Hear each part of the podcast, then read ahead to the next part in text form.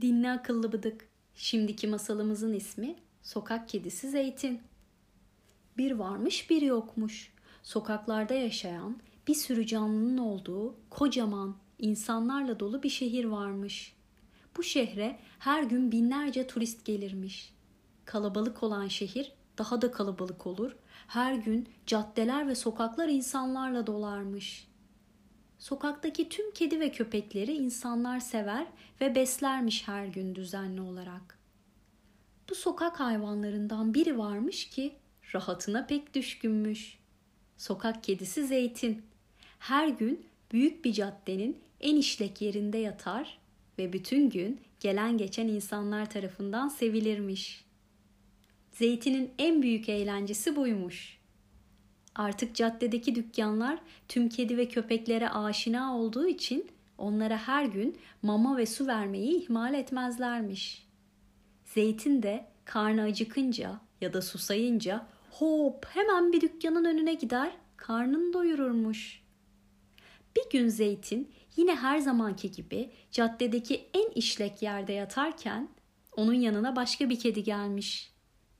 Bu kedi Zeytin'in aksine sarı ve kahverengi renklerinde daha minik bir kediymiş. Zeytin yeni gelen kediye önce soğuk davranmış ve hep onu yanından itekliyormuş. Tarçın isimli bu kedi de Zeytinden küçük ve uzun zamandır tek olduğu için arkadaş istiyormuş. Zeytin onu ne kadar kovsa da ısrarla yanına gidiyor ve oynamak istiyormuş. Zeytin tüm gün uyuduğu için tarçın kadar hareketli değilmiş ve artık insanlar tarçını daha fazla seviyor. Hatta o daha küçük olduğu için kucaklarına bile alıyorlarmış. Zeytin bu duruma sinir olmuş. Her gün Tarçın sen ailenin eski arkadaşlarının yanına gitsene. Neden buraya geldin? demiş. Benim ailem nerede bilmiyorum ki. Ben uzun zamandır arkadaş arıyordum ama seni görünce hemen yanına gelmek istedim. Artık benimle mi kalacaksın? Ben seni istemiyorum. Git başka yerde dur.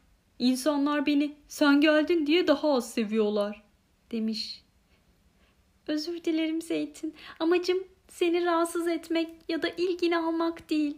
Ama ben aylardır çok yalnızım. Hatta bazı geceler aç uyuduğumda oldu. Burası çok güzel. İnsanlar seni koşulsuz seviyor ve mama, su veriyorlar. Tekrar aç kalmak istemiyorum demiş. Zeytin her gün bu soruları soruyor ve Tarçın da her gün bu cevapları veriyormuş. Zeytin artık ona hem alışmış hem de sevgiyi ve mamalarını paylaşmanın ona zarar vermeyeceğini düşünmüş.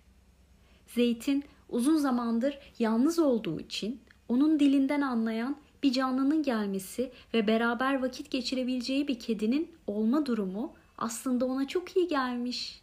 Tarçın sayesinde tüm gün uyumuyor, caddeyi, sokakları beraber keşfediyorlar ve yorulunca da her zamanki yerlerinde yatıp insanların onları sevmelerine izin veriyorlarmış. Müzik